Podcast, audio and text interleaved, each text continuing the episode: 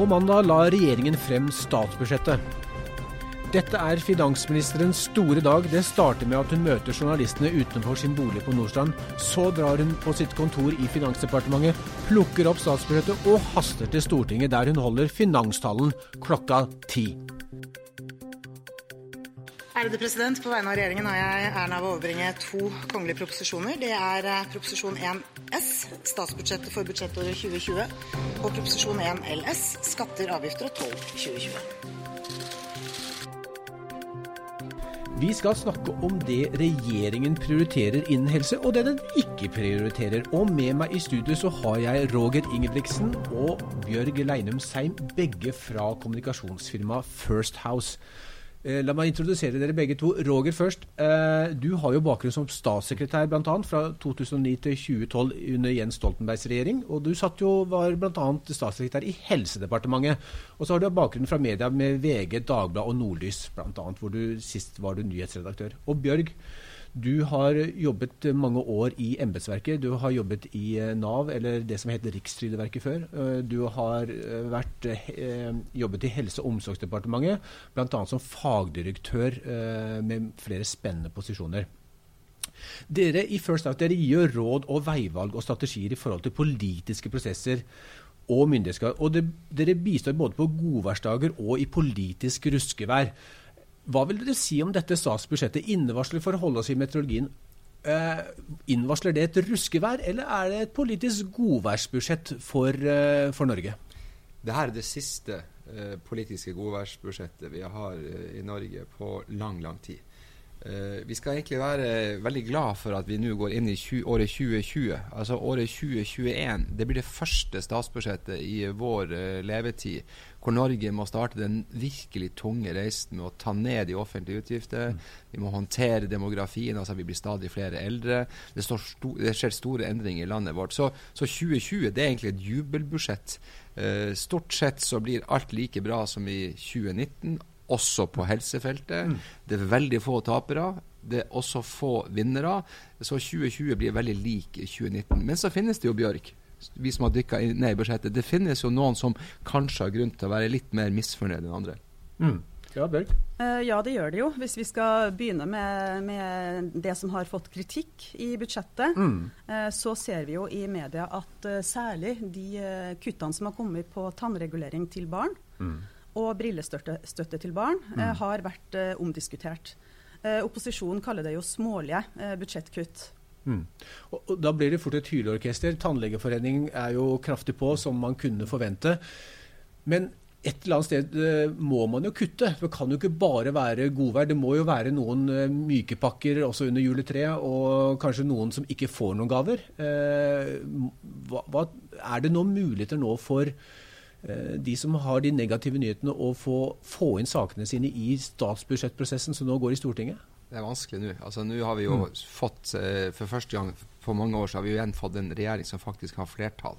Det betyr at den jobben de har gjort de siste, siste fem-seks månedene med statsbudsjettet, har vært ganske krevende internt i regjeringa. Mm. Det betyr at veldig mange tøffe prioriteringer er gjort der, og handlene mellom de fire partiene, som har ulike prioriteringer. Mm. Frp med ønsker andre ting enn Venstre og KrF. De jobbe, den jobben er gjort ferdig. Mm. Så det som nå kommer til Stortinget, det er en ferdig brøddeig, og brødet er stekt, og det er egentlig bare å skjære opp brødskiven. Det er ikke mer å hente her nå, mm. med noen få unntak. Så når det er en mindretallsregjering, da er det gøy både å være, være kommunikasjonsrådgivere og være stortingsrepresentanter og være media. For da er det et skikkelig show i seks til åtte uker før alt er ferdig fordelt. Nå er det i utgangspunktet ferdig fordelt, og det er helt marginale endringer som er mulig å få til de neste seks ukene. Men, ja, men, samtidig så er det håp i hengende snøre, tenker jeg. Mm. Eh, fordi at eh, hvis eh, de som er ramma av de her kuttene, eh, er dyktige eh, og fremstiller hvilke konsekvenser det vil ha for dem, eh, så kan det bli oppfatta som et arbeidsuhell for regjeringen. Mm. disse kuttene, mm. eller at de ikke var kjent med hvor alvorlige konsekvensene ville være for mottakerne. Mm. Så Sånn sett så går det an å få eh, flytta på ting også i et budsjett som er lagt frem av en flertallsregjering. Hvis vi tar andre av de negative sakene som kom, så, så er det jo tre legemidler eh, som, eh, som får nei. Eh, det er Aimovig som har fått mye medieomtale innenfor migrene. Så er det ett eh, legemiddel innenfor kolesterol, og så er det ett legemiddel innenfor erektil dysfunksjon. Alle disse tre legemidlene får nei, for de går over det som er da 100 millioner kroners grense, eller det som kalles på folkemunne bagatellgrensen. Mm.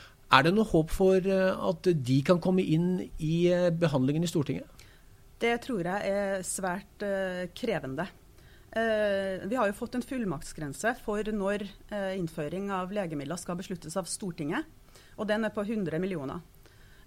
og det er foreløpig tre legemidler som har vært over den fullmaktsgrensa, og alle er behandla i årets budsjettfremleggelse. og alle de tre legemidlene har fått nei. budsjettkonsekvensen er stor når den er på over 100 millioner. Eh, så det begynner å snakkes litt nå om at denne fullmaktsgrensen også er en prioriteringsgrense. Eh, så jeg tror at eh, det å få vippa det inn i budsjettet, det tror jeg nok er en tapt kamp. Men det kan jo finnes andre løsninger, sånn at pasientene som har behov for de her legemidlene, får mulighet til å få tilgang til dem i 2020. Og Hvordan skal de få det? Er det individuelle unntak som kan gjøres?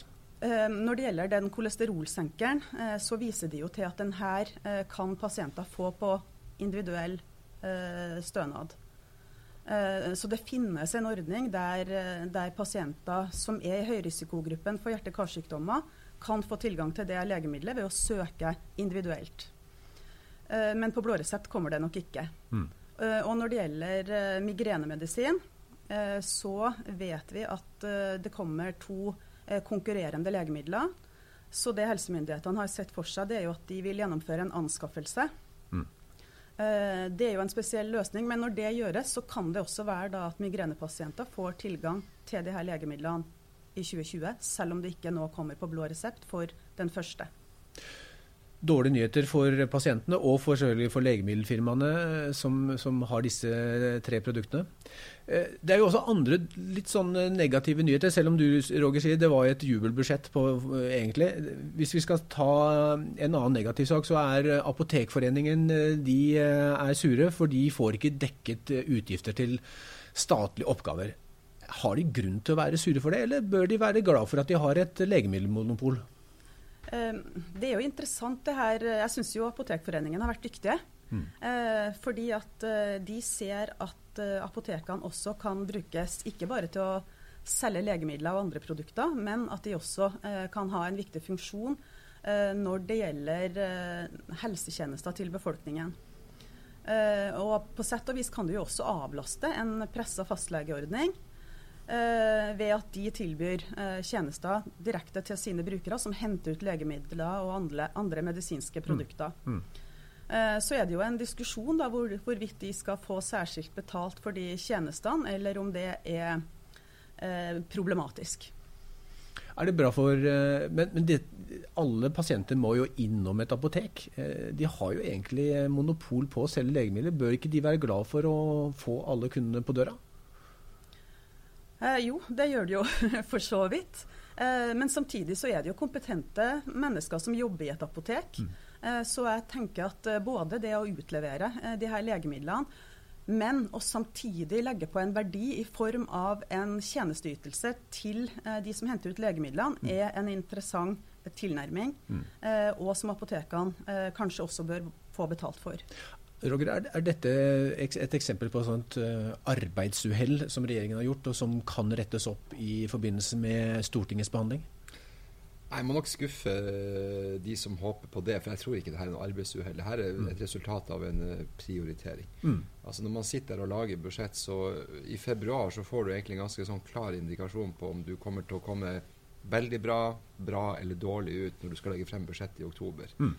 Og, og, du vet allerede da at da har du egentlig veldig lite å gå på, så da kan du prioritere noen få ting. Mm. Så det som ikke blir en budsjettvinner, eller det som ikke får et løft, det er ikke fordi at uh, helseministeren ikke har lyst til å være OK med apotekene, men det er fordi det er andre ting han syns er viktigere å prioritere mm. nå i tida fremover. Mm. Men det vi står foran nå, det er egentlig et uh, slags mesternes mester i lobbyisme inn mot Stortinget. Altså I en normalsituasjon med mindretallsregjering så er det mulig for de aller fleste å kunne påvirke det aller meste. Da må du bare passe på at du blir en del av de store politiske hestehandlene som går de to siste ukene. Men i og med at budsjettet nå er lagd ferdig av en flertallsregjering, så er det kanskje ned på promillenivå hvor mye som blir forandra. Og Skal du ha sjans da, så må du enten få det til å fremstå som et arbeidsuhell, og at regjeringa innrømmer at det er et arbeidsuhell. Det sitter langt inne. Eller så må du lete etter finnes det ett parti i Stortinget som regjeringa har lyst til å ha et litt bedre forhold til enn de andre partiene. Ser man frem mot 2021, er det noen partier man ønsker å bevege posisjonene til? Har man et håp om at Senterpartiet skal bli et borgerlig parti igjen? Mm. Har man et håp om at MDG skal slutte å bare samarbeide med de røde, men kanskje komme litt over på blå side? Ja, da er det kanskje dit man må gå. Uh, og prøve å få noen av de partiene til å løfte inn noe i Stortinget som kunne gi regjeringa lyst til å endre en promille på det budsjettet de har uh, lagd allerede. Så det, det, det, er vanskelig, det er ikke helt umulig, men du skal være skikkelig god. Mm. Og du skal ha tid til å gjøre, gjøre en hard jobb i Stortinget neste uke for å ha nubbsjanse til å gjøre forandringer. Så det du sier er at det, da må, Hvis regjeringen skal være villig til å flytte på store summer, så må de se en strategisk langsiktig verdi, kanskje mot uh, stortingsvalget som kommer om to år? Ja, Det må for det første underbygge regjeringas politikk. For det andre så må det være noe som alle fire partiene i utgangspunktet mm. syns er greit. Hvis ikke så må du tilbake til regjeringa, så får du nye forhandlinger, og da åpner du opp mange ting som ikke du har lyst til å snakke mer om. Du, du, er, liksom, du er kvalm av de samtalene og holdt på med det i åtte måneder, mm. så du er på en måte ferdig med det. Så det må, alle må være enig i det. Det må ikke få store konsekvenser for eh, det indre livet i regjeringa. Og så må det være mulig å ta det innenfor eh, en bitte liten marginal økning av statsbudsjettet. Så det er komplisert. Det er kanskje lettere å få til 2-3 millioner enn å få til 100 millioner, sånn som nå situasjonen er. Mm. Og hvis man skulle ha lykkes Nå visste, visste, man allerede i januar at det ville bli en flertallspartiregjering. Eh, da gikk jo KrF inn. Eh, hvordan har dere jobbet med kundene deres for å påvirke selve eh, prosessen som da starter egentlig i departementene i januar? Ja, så det her er jo ikke rakettforskning. Det er egentlig bare hardt arbeid. Eh, fordi at eh, Den feilen de aller fleste av oss gjør, at vi begynner altfor sent på det meste, og særlig i forhold til et statsbudsjett. Eh, Regjeringa var ferdig med statsbudsjettet egentlig før valgkampen starta, mm. i juli-august. Mm. Da er egentlig budsjettet ferdig. Så det å begynne å påvirke når det er ferdig, det har jo veldig liten verdi. Så skal du ha sjanse å påvirke et budsjett, så bør du egentlig begynne to år før det skal lages. Du må først bruke det første året til å lage en budskapsplattform. Uh, du må synliggjøre problem. Du må få folk til å bli enig i at det her er et problem, og at det bare kan løses gjennom et statsbudsjett. Og så er du over i det året hvor budsjettet lages. Da kan du begynne å påvirke statsråden, du kan kanskje klare å påvirke et embetsverk gjennom media på andre måter. Så så, så, alle som hører på denne podkasten, hvis du har lyst til å få inn noe nytt på statsbudsjettet, mm. så må du tenke statsbudsjett 2022-2023. Mm. Da har du en fair sjanse til å kunne få det til. Og, og hvis dere skulle måtte være helsepolitikere og være, se hvilke saker er det som mangler på statsbudsjettet, hvilke saker ville, ville kunne funnet sin plass i et sånn langsiktig strategisk eh, lobbyarbeid? Ja, Da mener jeg at det er et stort skifte for Norge som jeg syns nesten er helt fraværende i det her statsbudsjettet. Og det er altså hele den digitale revolusjonen eh, som vi har stått nå i en 20-30 år, eh, kombinert med all kunnskapen vi har nå om genteknologi, gjør at synet på medisin og måten vi behandler sykdom på i fremtida, vil være i en dramatisk endring. Eh, det, det, ordet heter jo persontilpassa medisin, mm. men det betyr jo egentlig at vi går fra et A4-helsevesen til et persontilpassa helsevesen, der vi både kan forebygge at du blir syk, ja, altså bare Hvis du har på deg en mobiltelefon, så samler du så mye helseinformasjon om deg sjøl at vi kan i fremtida allerede oppdage på en tiåring, en femåring, en 30-åring at du er belasta for å kunne få bestemte sykdommer. Eh, og Hvis du likevel blir syk, så har vi altså gjennom persontilpassa medisin mulighet til at akkurat du skal få akkurat denne medisinen. Vi slipper å bomme. Du slipper å være på sykehus mer enn det du trenger. Det skiftet syns jeg verken den forrige eller den sittende regjering er i nærheten av å ta. Så hvis det skulle være en skuffelse i dette statsbudsjettet som virkelig alle burde tenke på, det er at vi er veldig opptatt av sykehusbygg, ja. strukturer, utdanning, men vi klarer ikke å implementere fremtidens medisin som er persontilpassa. Og så er det noe også, eh, Vi som er opptatt av helsepolitikk, eh, vi har jo lest eh, perspektivmeldinga. Eh, og den er jo eh, dramatisk, som vi var litt inne på innledningsvis. Fordi at eh, offentlige utgifter øker raskere enn inntektene, med mindre vi gjør noe. Mm. Eh, og Et av eh, regjeringens svar på det har jo vært eh, å bygge og styrke nor norsk helsenæring. Eh, og Det syns jeg er et veldig interessant grep. Eh, fordi at Det kan bidra til å løse nasjonale utfordringer ved at vi mm. får bedre løsninger nasjonalt. Men det kan også bidra til fremtidig inntekt ved at vi får flere arbeidsplasser, og ved at vi kanskje også kan eksportere løsninger. Eh, så jeg savner egentlig eh, en satsing på helsenæringa i eh, budsjettforslaget til Helsedepartementet. Ja, Vi har jo gått gjennom dette statsbudsjettet med lys og lykte. og det, det står jo knapt noen ting om hvordan man skal utvikle helsenæringen til en stor og internasjonal næring, som Torbjørn Røe Isaksen og helseminister Høie var veldig opptatt av for bare et halvt år siden, eller et kvart år siden. Hva, hva, er det som har skjedd siden sist? Har de, har de, har de fått Alzheimer og glemt uh, hele opplegget? Jeg håper ikke noen har fått Alzheimer, men jeg tror at, uh, jeg tror at uh, vi skal også, vi skal også ha, vi skal liksom dempe litt forventningen til hva et statsbudsjett faktisk er. Mm. Altså Et statsbudsjett det er jo egentlig bare en lang tallrekke av hvordan vi prioriterer de pengene Norge til enhver tid har neste år. Mm. Uh, og så kan du i et statsbudsjett, hvis du har konkrete tiltak for å gjøre justeringer, så kan du selvfølgelig gjøre det gjennom et statsbudsjett.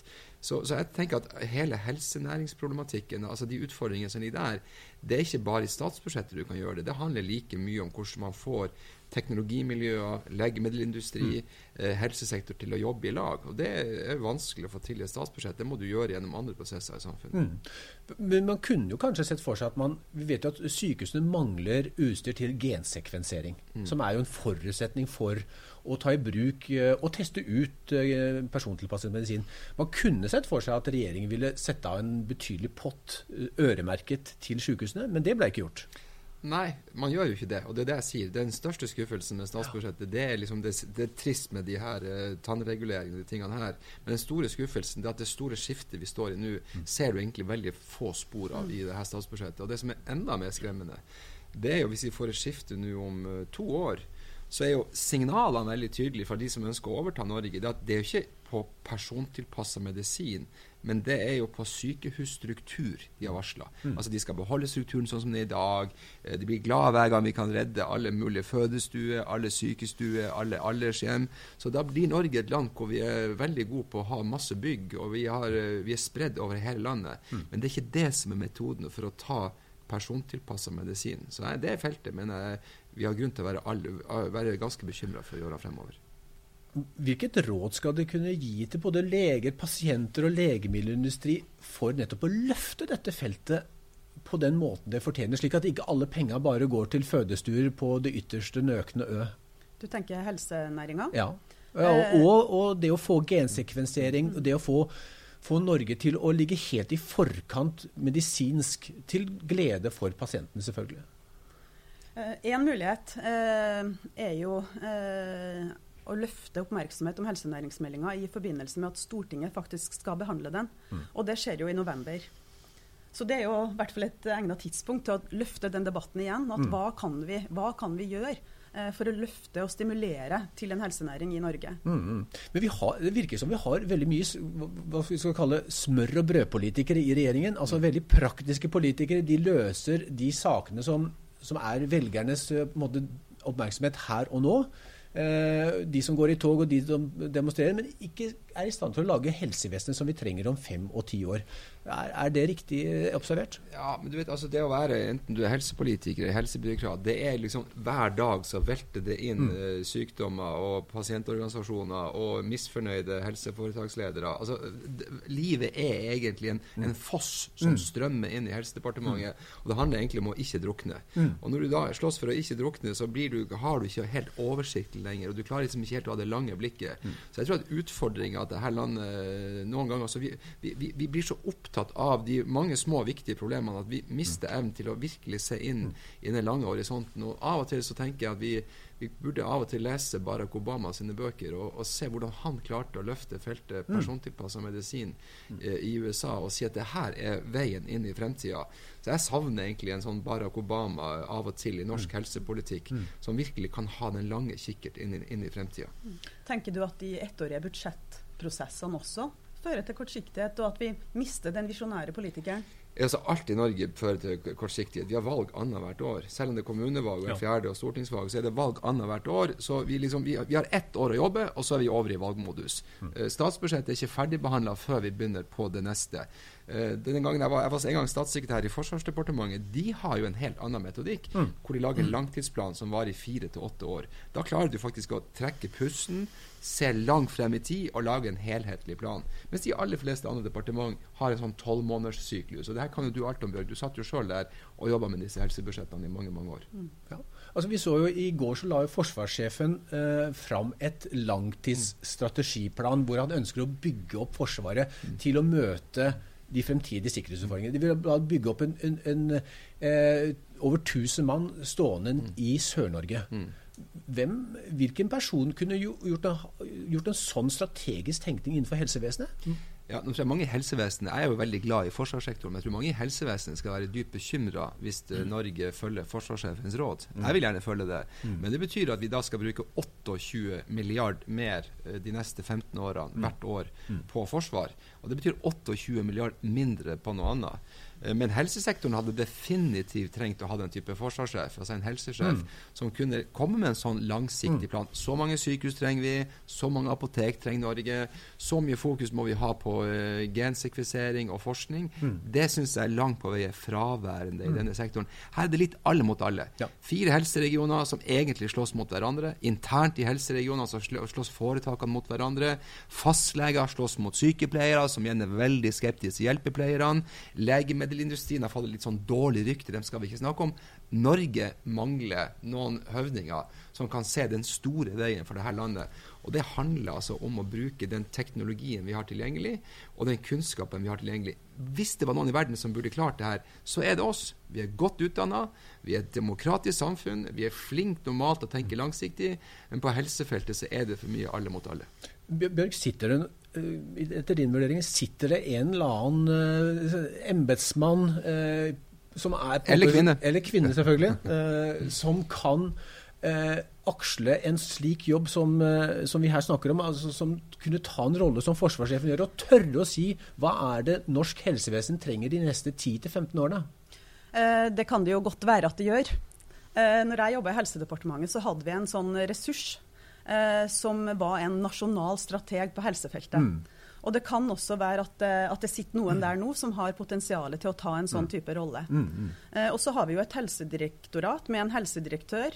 Eh, kanskje kunne det vært et mandat for den helsedirektøren at han skal operere mye mer som en nasjonal stre eh, strateg på helsefeltet. Eh, det kunne ha vært eh, veldig spennende. Ja, Han er jo egentlig veldig anonym. Han er jo nærmest en, inni- Hele direktoratet er jo blitt en iverksetter av regjeringens politikk. Eh, så, så dere ser, for, ser dere kanskje for dere at Helsedirektoratet kan ta en mer strategisk rolle for å bygge norsk helsevesen fremover?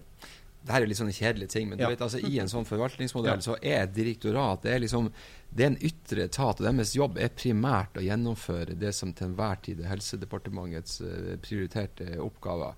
Skal vi få en helsedirektør som skal ta den rollen, så må han få lov. Han må bli bedt om det. Han, må, han eller hun må være tøff, tøff i trynet, eh, må- men må også ha liksom, et mandat til å ta den rollen. Det mandatet har forsvarssjefen fått. Mm. Han er regjeringa sin rådgiver. Han får lov hvert fjerde år til å komme med noen store tanker om hvordan det her bør være.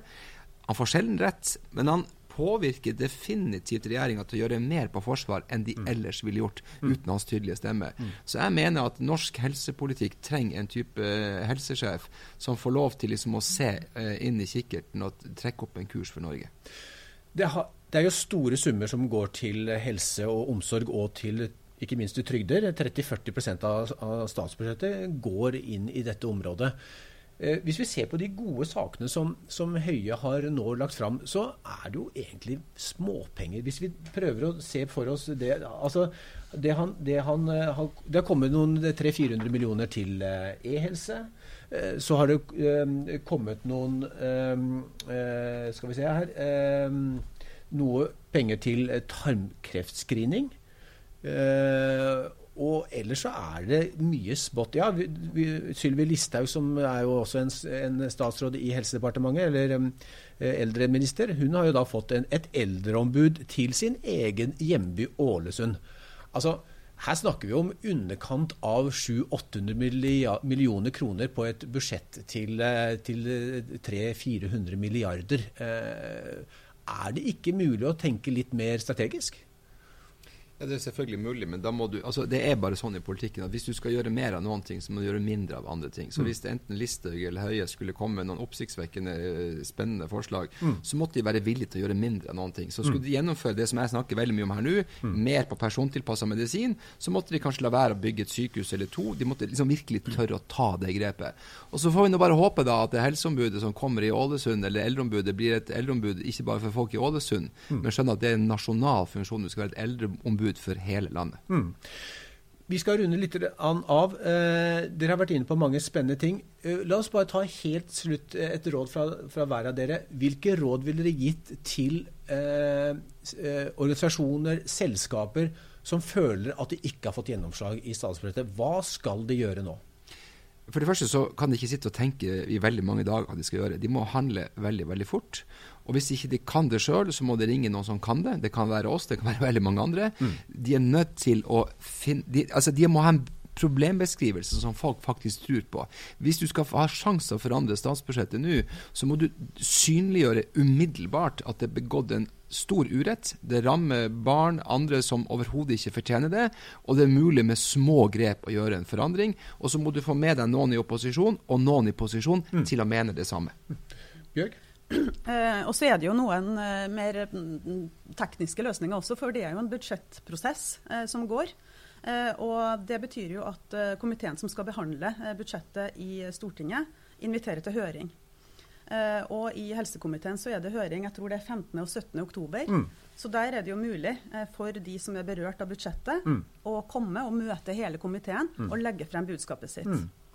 Så løpet er ikke helt kjørt? Eh, eller? Eh, og Én ting er jo å få endringer i, eh, i, budsjettet, men en annen ting er jo å legge spor etter seg i budsjettinnstillingen til komiteen. Mm. Det kan også være verdifullt å få omtale av egen sak, eller sågar en merknad som komiteen kan stille seg bak. Det gir et godt arbeidsgrunnlag for videre arbeid. Kort sagt, politikk er et grusomt kjedelig puslespill. Mm. Uh, og Hvis én brikke mangler, så er ikke bildet ferdig. Og Du må legge hver enkelt brikke. og Noen ganger kan det oppfattes som veldig kjedelig å få til ett ord forandra i en budsjettinnstilling, men dessverre det er det som til slutt gir resultater. Så finn din brikke, det puslespillet, og legg den i løpet av de to neste månedene. Takk for gode råd. Eh, vi høres igjen, og tusen takk til dere at dere vil komme i studio.